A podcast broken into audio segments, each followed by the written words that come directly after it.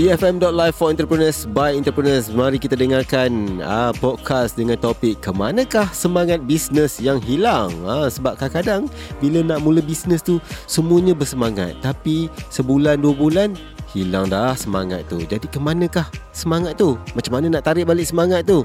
Mari kita dengarkan podcast dengan topik kemanakah semangat bisnes yang hilang. Jom.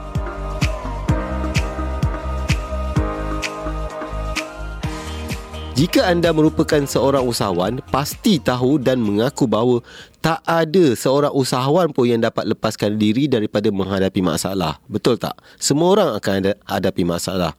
Dan masalah tidak akan pernah habis melanda usahawan semenjak dia mula berniaga. Dan ketika perniagaan masih kecil, hinggalah perniagaan berkembang dan membesar. Walau apa pun, masalah perniagaan anda percayalah bahawa selama ini sejak anda mula menjalankan perniagaan sehinggalah sekarang ini, masalah perniagaan itulah yang telah membawa anda lebih matang. Haa betul kan?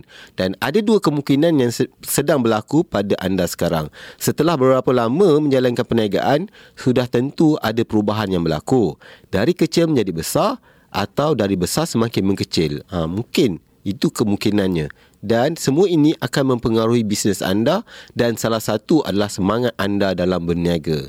Ha, kejap lagi saya nak kongsikan dan mengupas mengenai semangat berniaga dan mengapa semangat ini boleh hilang. Dan saya nak kongsikan dengan anda masalah semangat yang hilang yang merupakan masalah pada diri usahawan itu sendiri yang ada kalanya datang dan pergi. Bila rugi teruk, semangat turun. Bila banyak kerja sangat tapi tak untung, semangat pun jadi pudar. Ha, masalah ini sebenarnya perlu dihadapi dan diselesaikan walau dengan apa cara sekalipun. Kerana itu merupakan perkara paling penting nombor satu dalam menjadi seorang usahawan yang berjaya. Betul kan? Ha, jadi kepada anda semua, kita kena sentiasa bersemangat. Jangan tiba-tiba turun naik. Memang ada kadang-kadang benda tu tapi kena cari something untuk jadikan ianya pendorong untuk kita bersemangat lagi. Alright? Okay. Dalam medan peperangan sebenar, peluru tak kenal siapa. Peperangan yang sebenar bukan macam permainan komputer yang ada tiga nyawa. Kalau mati satu, ada lagi dua. Dan kita boleh teruskan perjuangan.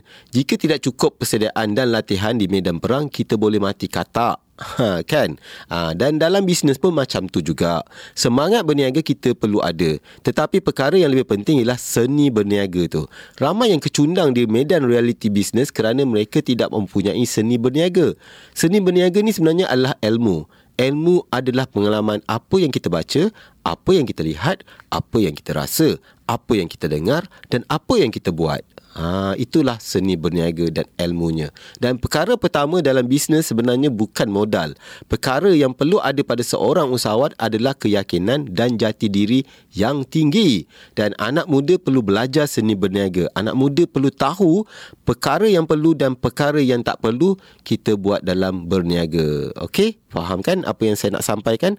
Setiap orang ada sebab sendiri kenapa mereka mengusahakan sesuatu perniagaan. Betul tak? Dan secara umumnya sama nak dapatkan duit lebih. Kenapa nak dapatkan duit lebih? Ha, nak sara kehidupan. Tapi keperluan, komitmen dan kehendak dalam kehidupan setiap orang itu sangat-sangat berbeza. Kat sini pentingnya kita jelas dengan kita punya big why. Ha, atau tahu tak apa itu big Y? Big Y atau big Y, W-H-Y. Ini adalah kita punya sebab yang kuat kerana kita perlu teruskan usaha untuk dapatkan pendapatan. Ha, catatkan secara spesifik apa itu big Y anda anda boleh catatkan kat mana-mana je yang anda senang nak tengok selalu. Mungkin dekat satu kertas kecil nak tampal kat dinding atau guna aplikasi catat nota dalam smartphone. Setiap hari perbarui semangat anda melalui Big Y. Ah, itu dia caranya supaya kita sentiasa bersemangat, sentiasa positif dan tak rasa uh, down. Alright? Kalau dalam bisnes ni, secara umumnya kita nak ada satu atau beberapa usaha yang dapat jana pendapatan yang dapat tampung kita punya big Y tadi. Yang saya dah terang tadi pasal apa itu perlukan big Y kan. Dan kebiasaannya kita akan kira secara bulanan. Catatkan semua sumber pendapatan yang kita usahakan dan berapa target yang kita nak capai. Dan untuk mencapai matlamat kewangan bulanan itu mesti ada beberapa usaha yang kita perlu laksanakan setiap hari dan setiap minggu. Catatkan juga apa matlamat yang kita nak capai untuk hari esok dan nak capai dalam satu-satu minggu tu. Ini sama macam yang selalu kita panggil things to do list. Ha, cara ini kan akan dapat membantu kita untuk fokus dalam apa yang kita nak usahakan. Alright. Dan kejap lagi saya nak kongsi lagi dengan anda apa itu uh, semangat yang hilang tu. Macam mana kita nak dapatkan balik semangat tu. Alright. Dan kesimpulannya untuk kekal memotivasi dalam perniagaan ialah kita kena kelilingi diri kita ini dengan benda-benda yang positif. Untuk jadi positif, pertama sekali kita sendiri kena bertindak secara positif. Apa caranya? Ha, jelas dengan BY dan matlamat yang kita nak capai. Lepas tu pastikan kita buat. Buat dan buat. Jangan nak sembang lebih je.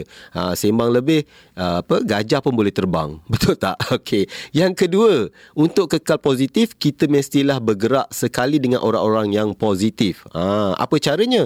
Joinlah community business yang sama dan follow orang yang dah berjaya buat business yang sama. Sebab dia orang ni sama-sama mengusahakan apa yang kita buat, jadi semuanya nak berjaya. Ah ha, macam itulah. Jadi janganlah kita berfikiran negatif kemudian kita cari pula kawan-kawan kita negatif, dah negatif dengan negatif dah susah hidup kita. Betul tak? Kenalah kita kalau kita down, kita cepat-cepat cari orang yang positif di sekeliling kita supaya kita jadi positif.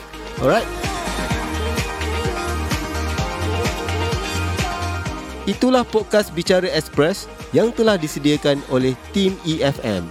Teruskan bersama kami di episod seterusnya hanya di efm.live for entrepreneurs by entrepreneurs.